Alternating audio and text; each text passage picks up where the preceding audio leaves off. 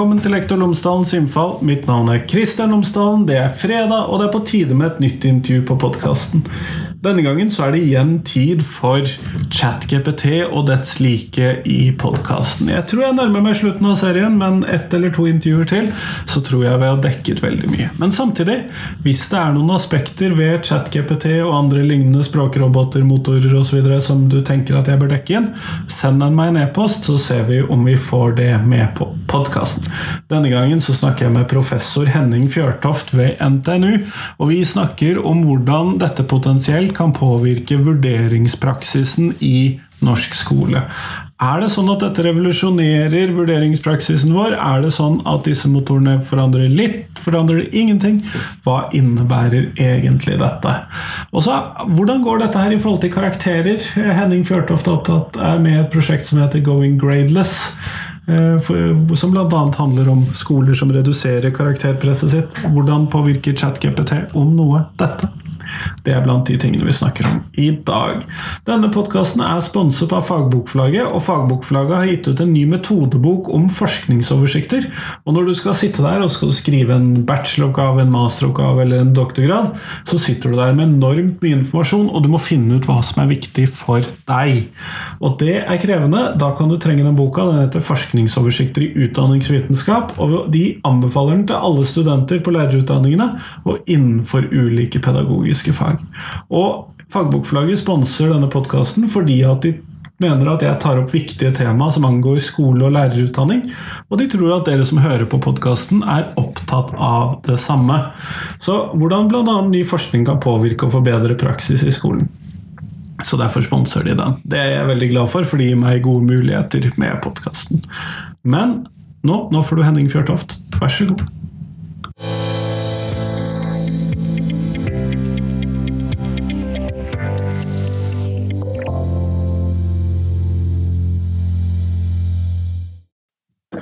Henning Fjørtoft, tusen takk for at du har tatt deg tid til meg i dag. Takk for at jeg får komme, Kristian. Før vi kommer sånn ordentlig i gang, så hadde jeg håpet at du kunne fortelle lytterne mine tre ting om deg selv, sånn at de kan få bli litt bedre kjent med deg. Det kan jeg gjøre. Eh, altså det første og åpenbare er jo at jeg jobber som professor på NTNU.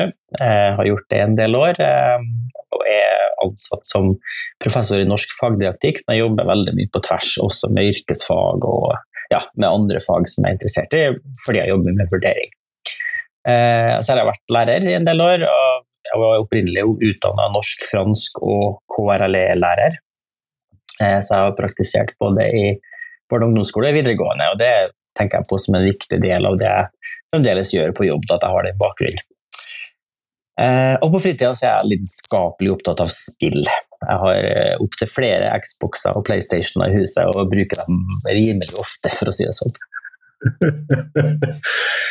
Siden du er et uh, trønder, så må jeg innrømme at jeg hadde sett for meg at du skulle si fotball, men uh, spill er bra. Nei, ikke interessert i fotball. Ikke jeg er trønder heller, faktisk. Jeg er fra, jeg er fra Nordmøre, jeg, da. Men jeg bor i Trøndelag. det bommer jeg alltid på, de to dialektene. Så det tas på min kaffe. Eh, dagen i dag så er vi her for at vi skal snakke om ChatGPT. Du er en del av min serie om ChatGPT. Og det er jo da særlig vurdering som uh, kommer opp imot uh, deg og ChatGPT osv. Men uh, helt umiddelbart, nå har det gått snart et halvt år hvor vi har vært rammet av dette fenomenet um, i sine ulike varianter. Hvilke tanker har du gjort deg til nå om ChatGPT og lignende uh, generelt? Hey, altså, det er i et sånn veldig kortsiktig perspektiv så er jo det her et sånt fenomen som typisk utløser masse mediediskusjon eh, og, og, og, utløser behov for en del raske løsninger på kort sikt. Og det er fordi at eh, den type språkroboter som det her er, da, som kan generere tekst veldig fort, eh, de utfordrer en del av de eksisterende rammene og retningslinjene som vi har. Eh, og jeg må jo si at jeg er egentlig både imponert og betrygga over Skole-Norge, Utdannings-Norge, og hvor raskt vi kan reagere på noe som er potensielt en sånn stor forstyrrelse av de systemene vi har for å sikre ja, at ting skjer på den riktige måten i, i vurdering, både i eksamen og i andre aspekter av læring. Eh, men i et sånt lengre perspektiv så tenker jeg at det, det er jo ikke første gangen vi er ute for noe sånt. Eh, skalaen er stor, oppmerksomheten er stor. Eh, men altså, kalkulator i matematikk, stavekontroll i rettskriving, eh, Google Translate for den som er fremmedspråklærer, Wikipedia på mobiltelefon altså, vi, har vært der før. Når det kommer inn i en sånn ny teknologi, så forstyrrer det måten vi jobber på, og måten vi ønsker at elevene skal lære på, og måten vi helst vil eh, vurdere læringa til elevene på. Og erfaringsmessig så liker jeg å tro at vi, selv om vi på kort sikt må ha masse diskusjon og finne noen raske løsninger, så går det seg på lengre sikt. Altså det, det, går seg til. Vi finner noen løsninger på det her, men det kan hende vi må gjøre noen justeringer på, på måten vi tenker vurdering på. Og det er jo ikke alltid vi lærere er like glad i å måtte endre på sånn som vi har gjort det i fjor. Nei, men det er jo for at vi gjør så mye bra. Eh, altså, vi, har lang erfaring med å finne gode løsninger på, utfordringer i utdanning. Eh, og så er jo også sånn at all ny teknologi som kommer, den inneholder noe som er anvendbart og nyttig. Sant? Eh, på den ene sida så har du en del utfordringer med kunstig intelligens. Da. Det utfordrer tankene våre om hva kreativ skriving skal være. Det utfordrer tankene våre om hvordan vi skal få elever til å sammenfatte eh, ulike kunnskapskilder på en analytisk måte. Sant? Det å, å, skrive sammen et sammendrag av tre-fire tekster det er ganske krevende arbeid. Det er tungt kognitivt arbeid. Eh, kunstig intelligens utfordrer måten vi tenker argumentasjon på i samfunnsfag. Altså, du kan knipse med fingrene, og så får du en fiks ferdig argumenterende tekst. Der er noen utfordringer. Eh, men så tenker jeg også at sånn, på de andre sida så kan vi bruke det verktøyet her også til å vise elevene veldig raskt hvordan man kan jobbe med revisjon av tekst, hvordan man kan skrive ulike utkast til den samme teksten. Eh, hvordan kan man eh, bruke kilder på en god måte, og, hvordan kan vi vurdere det sammen med elevene? Det, det er jeg interessert i å utforske som lærer. Men uansett om man ser på utfordringene eller om man ser på mulighetene, så må man på en måte ha en klar formening om hva kunstig intelligens faktisk gjør. Da. Altså at den, det her er ikke et verktøy som lager kunnskap, det er et verktøy som hermer blindt etter språkmønster. Og Noen av mønstrene tar det lang tid å lære på egen hånd, Eh, mens kunstig intelligens kan skape dem veldig raskt. Og, det ligger noe av dilemmaet for lærere, tenker jeg. Ja, det er jo det, der det blir krevende når vi skal prøve å finne, særlig opp imot det som allerede kanskje er en av skolens vanskeligste områder. Altså vurderingen av elevenes arbeid og hvis vi så for oss at vi hadde en skole som bare fokuserte på å lære ting bort uten å på en eller annen måte kvalitetssjekke eller eh, gradere dem eller vurdere dem opp imot hverandre eller andre ting, så hadde det kanskje vært en mindre problemstilling. Men når vi da også driver med vurdering i denne skolen, så er jo det da krevende. Det ville jo vært krevende uansett, hvis vi virkelig ikke kunne være sikre på at de gjorde noe selv, da. Nei, men altså, jeg tror eh, Litt av problemet her er jo at vurdering eh, alltid skal tjene flere formål på en gang. Og, og hvis man spør vurderingsforskere, så vil ti av ti vurderingsforskere si at formålet med vurderinga er oftest det store utfordringa. Altså, vi vil gjerne ha informasjon om hvordan elevene ligger an. Er elevene mine flinke, eller er det noe de sliter med å forstå eller mestre osv.? Uh, elevene vil gjerne ha de vil gjerne ha både realitetsorientering om hvordan de ligger an, men de vil også gjerne ha ros. Egentlig så vil de kanskje bli beroliga om at de er på rett spor, eller at, de, at deres selvforståelse av egen prestasjon er sånn noenlunde korrekt. Eh, og så sitter også skoleledere og kanskje skoleeiere som er interessert i hvordan gjør våre elever det, og da har du liksom mange ulike formål som krysses i vurderinga. Så når det er utfordringer i vurdering, også ellers uten at kunstig intelligens kommer inn i bildet, så, så handler det ofte om at eh, formålene er uavklart. Og jeg tror de aller, aller fleste vurderingsforskere vil si at eh, jo flere formål du prøver å stappe inn i en og samme vurderingshandling da, eller samme aktivitet, jo flere utfordringer vil du få som lærer. Og da er det jo veldig lett også for meg å hoppe til et uh, litt langt ut i samtalen potensielt. Men kan en av tiltakene her være at vi er nødt til å avklare hva vi vil med disse vurderingene, før vi begynner å vurdere hvordan eh, ChatGPT virker inn i disse vurderingene? Ja, det vil jeg nesten uten forbehold. Altså det, de store utfordringene med å endre på vurdering er at man som regel har det veldig travelt med å endre former på vurderinger. Altså, jeg har en lang historikk med at folk tror at en mappevurdering er bedre enn penn og papir-eksamen, eller at um, læringsanalyse i digitale verktøy er bedre enn tradisjonelle skoleprøver osv. Men det kommer helt an på hva formålet er. Så hvis man ønsker å endre på noe, så må man alltid først spørre hva er formålet med å vurdere eleven nå? Er det for at vi trenger å rangere dem for å vite hvem som skal gå inn på et vanskelig emne senere, og hvem som skal gå på et lett emne, f.eks. i videregående? Eh, eller trenger vi å vite rett og slett hva de misforstår? Trenger jeg informasjon om hva elevene mine misforstår i klasserommet? Er det noen begreper jeg underviser i som sliter med å skjønne? Og, og, hvordan kan jeg finne ut hva det begrepet er, sånn at jeg kan undervise på en annen måte, eller repetere det, eller tilby dem noe ekstra støttende aktiviteter rundt det. Så lenge før vi snakker om kunstig intelligens, så må vi avklare hva formålet er. Og da skal jo jeg da være så dum eller gjøre det motsatte av det du nettopp sa, og så må jeg spørre deg, hvordan ser du for deg at ChatGPT kommer til å forandre måten vi vurderer elevene på? Og så er jo det nettopp det du har sagt, at det er kanskje litt tidlig å tenke på da. Ja, det, altså da, da, er vi liksom tilbake til at vi må ha både kort, kort og langt perspektiv på samme tid. Da, ikke sant? Hvis, eh, I det korte perspektivet, hvis vi har vurderingsformer som har åpenbare sikkerhetshull, sånn at elevene kan jukse til en bedre karakter, f.eks., eh, med viten og vilje, det vil være uheldig. Og, det er noe vi må håndtere. Da må vi lukte hullet relativt raskt. Da kan det hende vi må endre former på vurderinga litt, for å sikre at det ikke skjer. Eh, hvis man f.eks. gir hjemmeoppgaver som er veldig åpne og veldig generelle, så, og inneholder bare ett spørsmål, så er det veldig fort gjort å bruke Eh, en robot for å fylle ut et svar, eller i hvert fall få ideer til hvordan man kan skrive det. Eh, men på langt perspektiv så tenker jeg altså hva er bredden i det vurderingssystemet vi har totalt, og, og hva er kombinasjonen av ulike faktorer her som virker inn? Eh, det er jeg interessert i. Jeg har et helt konkret eksempel på det. Altså, jeg intervjua nylig en lærer på videregående eh, som Eh, like før jeg skulle intervjue den læreren, hadde nettopp fått inn eh, besvarelse fra en elev som besto av flere delbesvarelser. Eh, og det her var i fremmedspråksundervisning.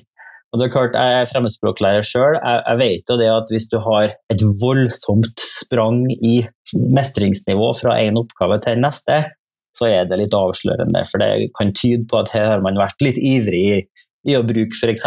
Google Translate eller, eller, kunstig intelligens. Da. Og I tilfellet her så var det åpenbart at det var ikke bare en Google Translate-besvarelse, for det her var så avansert og raffinert og poetisk skrevet at det, det kunne ikke være en elev med få års erfaring. Det. Læreren sa det at hun, hun kunne knapt nok ha skrevet en så god tekst sjøl. Og hva gjør man da? Jo, man kan eh, man kan begynne med forhør og etterforskning, ikke sant? samle bevis, konfrontere den mistenkte osv. Eh, men det har ikke lærere så mye tid til, nødvendigvis. Altså, vi har ikke noe stillingsandel satt av til det. Eh, det kan gå utover relasjonen til eleven. Eh, det kan svekke tilliten til læreren. ikke sant? Og, eh, og, og, ønsker man egentlig å være den læreren, vil man ikke heller være den læreren som motiverer, motiverer elever til å prøve sitt beste. Så, så det, er mange sånne ulike profesjonelle dilemmaer rundt det. I tilfellet her så var det sånn at i og med at den læreren hadde mange ulike delbesvarelser fra samme elev, så var det lett å si at her er det bildet jeg får. Eh, her er en tekst som stikker seg ut, den kommer jeg til å legge litt vekt på. Og så kan man jo alltid strøffe om det er riktig at det, hvor mye konsekvenser skal det få ikke sant, for den eleven osv. Det er det ikke regelverket å forholde seg til. Men fra et vurderingsståsted så tenker jeg at det å ha en bredde i vurderinga på den måten, ved å ha ulike typer oppgaver, det gir oss en, et sikrere bilde av hva eleven kan. Uh, og det vil også gjøre det mulig å se at her kan det ha vært litt ja, ulovlig hjelp inn i bildet, for å si det sånn. Og da er det jo en problemstilling, eh, sett slik som jeg forstår vurderingsforskriften i videregående skole, hvis man da legger vekt på den dårligste teksten, da f.eks. Si at det er den man stoler mest på, tror at det er mest troverdig at det er elevens egen tekst, men uten også skulle eh, påstå eller anklage de andre deloppgavene for å være juks og fanteri. Eh, så er jo det problematisk å skulle lene seg på den dårligste teksten. Ja, eh, men da tror jeg du legger en veldig streng tolkning av vurderingsforskriften til grunn. Eh, og det tror jeg nok ikke mange lærere ville ha gjort. Altså hvis det er for å si det sånn, Hvis det er veldig usannsynlig at eleven faktisk har produsert det svaret her, så er det jo ingen grunn til å legge det til grunn for vurderinga for eleven, selv om vi strengt tatt skal på en måte se etter tegn på mestring, ta eleven i å være flink. Det handler ikke om å, å, ta dem i å være dårlig. Eh, men det er stort rom for skjønnsutøvelse i vurderingsforskriften. Eh, kanskje større enn det mange lærere sjøl tror. Eh, og det går an å si at okay, det er noen forbehold her, det er noen grad av usikkerhet. Men helhetsinntrykket er sånn og sånn og sånn. Det, det, det mener jeg helt bestemt at det er en vurdering man kan gjøre som er innafor det forskriften gir rom for. Men, og da leser jeg deg jo sånn at en endring til flere deloppgaver Eh, vil være, kunne være en løsning på noen av de problemstillingene som løftes med ChatGPT og denne typen andre robot, språkroboter og verktøy osv. Det er vel noe som har kommet mer og mer inn i en del av eksamensformen i forbindelse med LK20, så vidt jeg har skjønt. Stemmer ikke det? Ja, det, det er nok riktig, i hvert fall i en del fag. Eh, nå skal ikke jeg være den som sier at vi skal bryte alt ned i mikroskopiske deler heller, fordi det, det, er en del fag som har behov for å, eh, å forvente at elevene kan f.eks. produsere lange skriftlige resonnement i en del av samfunnsfagene, norskfaget, engelskfaget osv. Eh, men det er mye å lære av å, å tenke at man kan eh, splitte opp vurderinger i eventuelt f.eks. langsvars- og kortsvarsoppgaver for å få et bredere inntrykk av eleven. Eh, jeg har vært med på å gjort en sånn endring sjøl for en del år siden i et par emner som jeg underviste i på NTNU. Eh, og Som regel så var begge sensorer enige når vi bare hadde én langsvarsoppgave, men av og til så var vi i tvil. Og når vi da innførte én langsvar pluss to kortsvar, så fikk vi et mye bredere bilde av hva studentene faktisk kunne. Eh, og det mest interessante var kanskje de elevene som presterte kjempebra på én oppgave, og veldig dårlig på en annen oppgave. Eh, så da ble det veldig synlig at noen hadde, eh, noen hadde bred kunnskap og kunne gå i dybden på den, mens andre hadde bare sånn flekkvise deler av pensum dekket opp, da, for å si det sånn. Eh, så jeg syns alltid det er å foretrekke at man har ulike typer dokumentasjoner for hva elever kan. Dette er jo på mange måter litt utypisk, i hvert fall sånn tradisjonelt sett. fordi at uh, Tradisjonelt sett så har man jo veldig ofte, i hvert fall for de store sluttvurderingene, så har man jo konsentrert seg veldig mye om den store teksten, eller den lange teksten, i hvert fall i en del av disse eh, typiske samfunnsfagene, norskfaget osv. Ja, men, men der har det jo altså, I norskfaget f.eks. så har det vært mye på gang i mange år. egentlig. Altså, noen bruker mappevurdering f.eks. Eh, mange norsklærere jobber eh, i større eller mindre grad prosessorientert, sånn at de hele tida ser elevene sin revisjonskompetanse òg. For det er jo et eget læreplanmål i norskfag at du skal være i stand til å revidere en tekst, ikke bare spytte den ut. Eh, så, så, Det er jo et sånt verktøy som vi kan bruke eh, ikke bare i norskfaget, men også i andre sammenhenger for å forhindre det her problemet med chat-GPT og den type ting. At man, man, kan tvinge elever inn i skriveprosesser som varer lenger enn to, tre, fire timer. kanskje fordelt over flere dager, ved bruk av fagdag, ved bruk av skrivegrupper osv. Og så kan man veilede eleven og se teksten vokse frem. Og, og, de aller, aller fleste erfarne lærere vil jo kunne se altså Hvis det plutselig kommer et sprang i, i refleksjonsnivå fra innledninga til midtdelen av teksten, så er det en indikasjon på at uh, her er det fare på ferde. Så Det er sånn, et sånn lite sikkerhetselement som man kan legge inn, det å jobbe mer i prosess. Og det, noen lærere vil kanskje si at da blir det mer rettebyrde på læreren, og sånn, men det behøver ikke nødvendigvis bli det hvis det her er godt integrert i, den tida du bruker i klasserommet. Så du bruker undervisningstida di til å veilede elever, f.eks. Nettopp, skjønner. Nå har vi jo snakket om en del av de tingene som er problematiske med denne typen verktøy, og du har tidligere nevnt det at man kan få lett hentet ut eksempler og kunne vise eh, til elever, eller vise hvordan man kan jobbe med revisjon med, nettopp disse tekstbidragene. Men er det andre ting som du tenker at eh, denne typen språkverktøy kan bidra positivt inn med inn mot eh, skolen? Ja, altså det er en, eh, en, veldig dyktig australsk vurderingsforsker som har forska mye på vurdering i høyere utdanning, som heter Phil Dawson. Eh, han har snakka om eh, at kunstig intelligens har et potensial i positiv forstand da, for å være eh, et verktøy som vi kan bruke til det han kaller for kognitiv offloading. Eh, og Det betyr egentlig at vi altså, litt sånn kjedelige, rutinemessige oppgaver dem kan vi laste over på kunstig intelligens, og så kan vi fokusere på det viktige. Eh, det i seg selv er litt problematisk, fordi vi ønsker ikke at elevene skal hoppe over det som det er vanskelig å lære, nødvendigvis. og Det er ikke sånn det skal forstås. Eh, og Det går an å være kritisk til det òg. Eh, men, men, det han mener, det er at altså, vi må lage det han kaller konstruktive restriksjoner. Altså, hvis det er noen ting robotene kan ta over for oss, la dem gjøre det, men så må vi fokusere til gjengjeld på det som er viktig og vanskelig. Eh, og konstruktive restriksjoner har vi hatt diskusjoner om før. Altså, eh, da jeg var student, så fantes det ikke noe åpen bokeksamen på universitetet. Man måtte pugge kildene hvis man skulle referere til dem. Eh, og vi følte oss veldig flinke hvis vi kunne bruke en kilde på eksamen, for da hadde vi liksom pugga den. I dag så ville det vært utenkelig. Eh, det, det, det, ville ikke vært en ønskelig prosess, i hvert fall ikke de emnene som jeg underviser i. Så vi har gått over til arbeidskrav, vi har gått over til semesteroppgaver, vi har gått over til åpen bokeksamen for å lære studenter å, å, å håndtere dette her. Og på samme vis har vi gått også fra å ha en lukka eksamen i et rom, til å ha åpent nett og den type ting. Alle ressurser tilgjengelig. Så Det som Phil Dawson er opptatt av, da, det er altså, i, i kjølvannet av kunstig intelligens-bølgen, hvordan kan vi kontrollere tre helt sånn grunnleggende faktorer i den prosessen der. Det første er informasjon. Altså, hvilken informasjon skal elevene ha tilgang til, og hvilken informasjon skal det være restriksjoner på.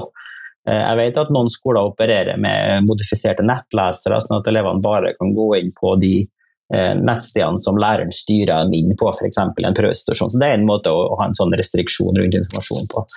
Eh, den andre faktoren er mennesker. Skal de ha tilgang til medelever, skal de ha tilgang til foreldre osv.? Og, så og hvilke fordeler og ulemper ligger det i det? Og Den tredje faktoren er teknologien. Hvilken teknologi skal vi ta i bruk? Og jeg tror de, altså Selv veldig teknologikyndige lærere har nok opplevd at elevene er enda smartere enn dem i noen sammenhenger. Eh, og det er, Vi skal ikke se bort fra at det, det er gøy å ha en sånn hackermentalitet. Altså, hvis noen setter opp restriksjoner, så skal jeg pinadø finne en vei til å komme meg rundt dem. ikke sant? Hvis du sperrer Facebook og SMS, så er det noen som kan bruke Discord og Reddit for å kommunisere isteden. Så det, Den type logikk er veldig vanskelig å styre. Eh, men hvis du ser de tre faktorene i sammenheng, da, informasjon, mennesker og teknologi, så har du på en måte et rammeverk for hva slags konstruktive restriksjoner du kan sette opp. Og Han har skrevet veldig godt om det, og det har jeg veldig sansen for.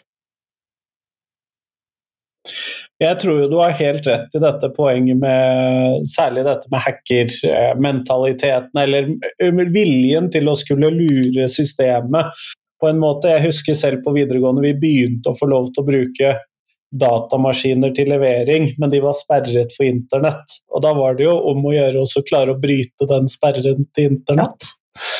Uh, og det ligger mye læring i den type det, aktivitet òg, ikke sant? det gjør jo det. Uh, og elevene mine bruker jo chat-funksjonen i Spotify for å kommunisere når de skal snike seg unna eh, kommunikasjonsprogrammer. Ja. Har jeg lagt merke til. Nei, da, vi, vi, kan ikke unngå det. Men du er jo Nei, og det Samtidig, det krever jo intelligens, det krever jo kompetanse, det krever jo Det er mange ting det krever som også er positivt, mm. syns jeg, da. Ja, det kan man si. Også, men sant, de, de, lærer jo noe annet enn det vi planlegger at de skal lære, for å si det sånn. Altså, det er fint å lære seg å hacke et system, men hvis målet er å lære franske verb i fortid, så, så, er det ikke det du lærer. ikke sant? Så det, eh, det å være orientert mot eh, det læringsutbyttet som vi faktisk ønsker da, at de skal oppnå, og, og, sammenhengen mellom det læringsutbyttet og det vi legger vekt på i vurderinga, og hvordan restriksjonene vi setter opp, eh, måtte forme den prosessen, det, det ligger i de sentrale dilemmaene, tenker jeg. Eh, og det handler, det handler bare delvis om teknologiske løsninger og sperring av den type ting. Det handler også om eh, hvordan vi kommuniserer verdien av kunnskap, hvordan vi kommuniserer om eh, verdien av vurdering. Og, altså, innenfor vurderingsforskninga snakker man ofte om, om, på engelsk om 'assessment integrity'. Altså at hele vurderingsprosessen blir behandla med respekt og integritet av alle som deltar i den. Så at det ikke er bare et sett med, med politifolk som skal passe på denne teknologien, men at det handler også om at elever og studenter sjøl ser verdien av å bli vurdert. Eh, og at de sjøl ser at det her er meningsfylt prosess, eh, at de føler at de kan gjøre sitt beste, at de opplever mestring og motivasjon, eh, og at de har tiltro til vurderingsprosessen, og at de får visst det de kan.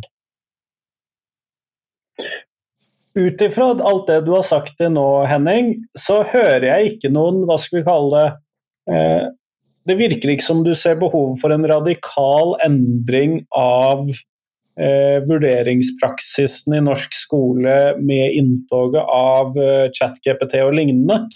Eh, verken den ene veien radikalt deteknologisering eller radikal endring med teknologi, ut ifra dette?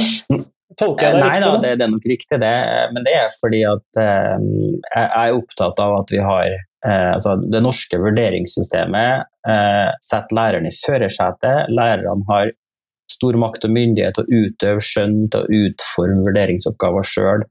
Eh, vi har til og med et system med lokalgitt eksamen, og det er ganske uvanlig i mange land. ikke sant, At lærerne sjøl skal lage eksamener og samarbeide rundt det. Um, I andre land så kan det være mer vanlig at du har et sentralt institutt som lager alle eksamener, og så skal man forholde seg til det som lærer.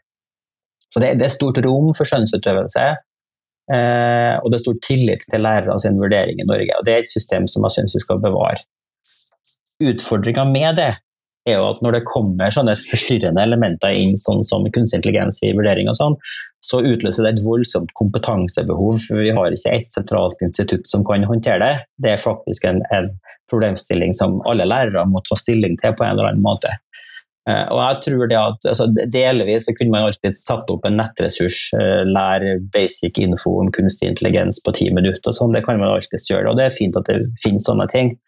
Uh, men jeg tror det, det er mer langsiktige løsninger på dette her, og, og potensialet for å utnytte i positiv forstand, det ligger i profesjonsfellesskapet på skolen. At ulike lærere kan innta ulike perspektiv, eh, kan teste ut ulike løsninger og kan drøfte med sine kollegaer og også med elevene hvordan dette oppleves, om det er nyttig, relevant og om det er funksjonelt å gjennomføre. Eh, litt videre, men innenfor et samme type spor, eller hele samtalen dreier seg om ChatGPT og lignende, så sporet er vel gitt. Men du er jo prosjektleder for et prosjekt som heter Going Gradeless. Og da er jo spørsmålet fra min side er det noen Gjør ChatGPT og den typen inntog gjør det noe med mulighetene for å konsekvensene av mulighetene for osv. av oss å kutte ned på karakterer i skoleverket, eller er det mer urelevant for det prosjektet? Det, det, er et godt spørsmål. Ja, det, det, er et godt spørsmål. Og, altså, hvis vi hadde en samtale her for et og et halvt år siden, så har du sikkert villet spurt meg om koronapandemien hadde gjort noe med karakterpraksis i skolen. og det vet vi at den har. Eh, men Eh, vil det føre til enorme endringer? Nei, det tror jeg ikke. Eh, er det noe i chat-GPT som plutselig skal gjøre det mulig for lærere å gi færre karakterer? Ja, det, er kanskje det, men vi har ikke funnet noen voldsomme spor av det. Vi har bare funnet litt sånn løse anekdoter om hvordan man forholder seg til det, hvordan man reagerer på det. Eh, så Sånn sett så kan man jo si at ja, kanskje reagerer skolen litt treigt, kanskje skulle vi vært mer innovative og frempå, kaste oss på nye muligheter osv. Eh, men på andre sida så ligger det en, en, eh, trygghet i den konservatismen, da, at vi, vi, har noen tradisjoner som er veletablert og som er gjennomtenkt, og vi driver ikke og kaster rundt på ting bare for å, å følge en ny døgnflue. Eh, jeg var på en storutdanningskonferanse i Chicago for noen uker siden og snakka med en av en av forskerne som var det, Alex Bowers han. han er, hvis jeg husker riktig, så har han jobbet med kreftmedisin tidligere, og sånn switcha over til utdanning. Han jobber med stor statistikk, sant? stort tallmateriale. Jo større, jo bedre. Eh, og han satte seg fore da, og, og, og se liksom, hva er det største tallmaterialet man kan finne innenfor et skoledistrikt i USA. Og Det skoledistriktet som er aller aller størst, det er New York. Det, det, jeg aner ikke hvor mange tusen lærere og elever det er, det er gigantisk. og De produserer enorme mengder data.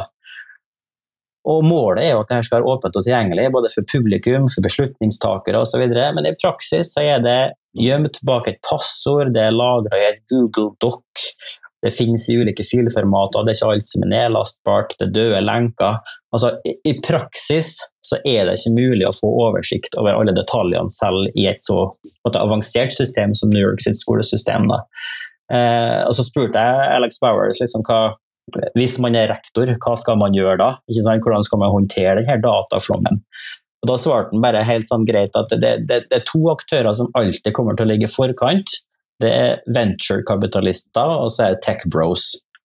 Altså dem som investerer masse penger i teknologiutvikling, og dem som har en voldsom tro på at teknologi skal drive endring, de kommer alltid til å ligge foran oss. Eh, og det må vi på en måte bare akseptere. Så får vi i skolen heller være den eh, aktøren som er litt mer tilbakelent, som kan avveie de dilemmaene som kommer, eh, og, og, ikke minst studere kvalitetene i det vi allerede gjør, som er veldig godt, for det er veldig mye god praksis.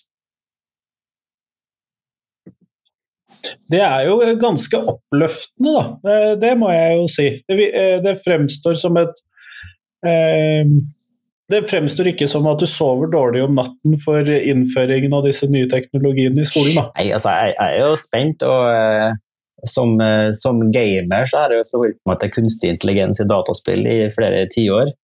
Eh, hvis man har spilt med dataspill, så vet du at det går som regel dårlig hvis det kommer en kunstig intelligens inn i bildet, for de vil som regel ta over verden osv. Eh, I det tilfellet her så tror jeg ikke det er riktig så ille, men, eh, men som en eh, som jeg så på Twitter påpekte ganske nylig, altså hvorfor er chat-GPT gratis nå?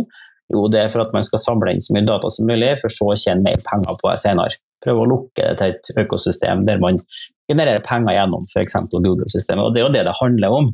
Så Hvis man vil gå inn med et kritisk perspektiv, så er jo det her ja, det er kapitalismens onde imperium nok en gang i en ny tapning.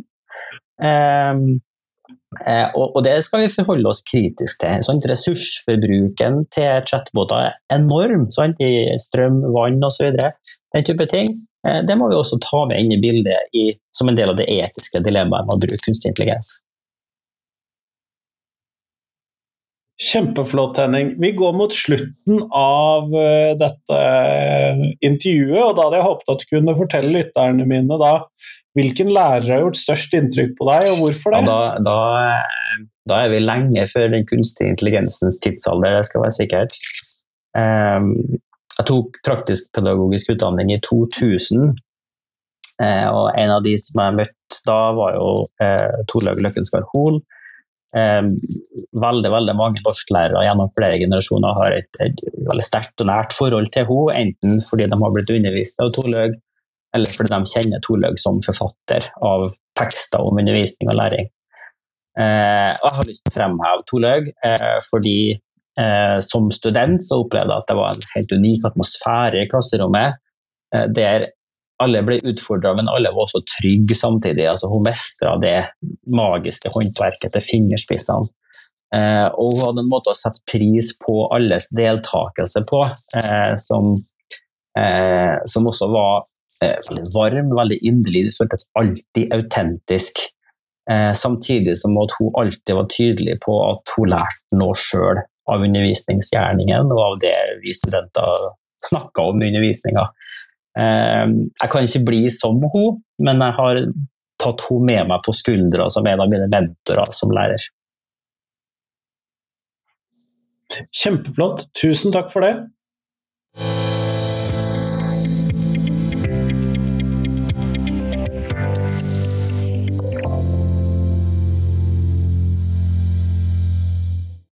Tusen takk til Henning, og tusen takk til deg som har hørt på.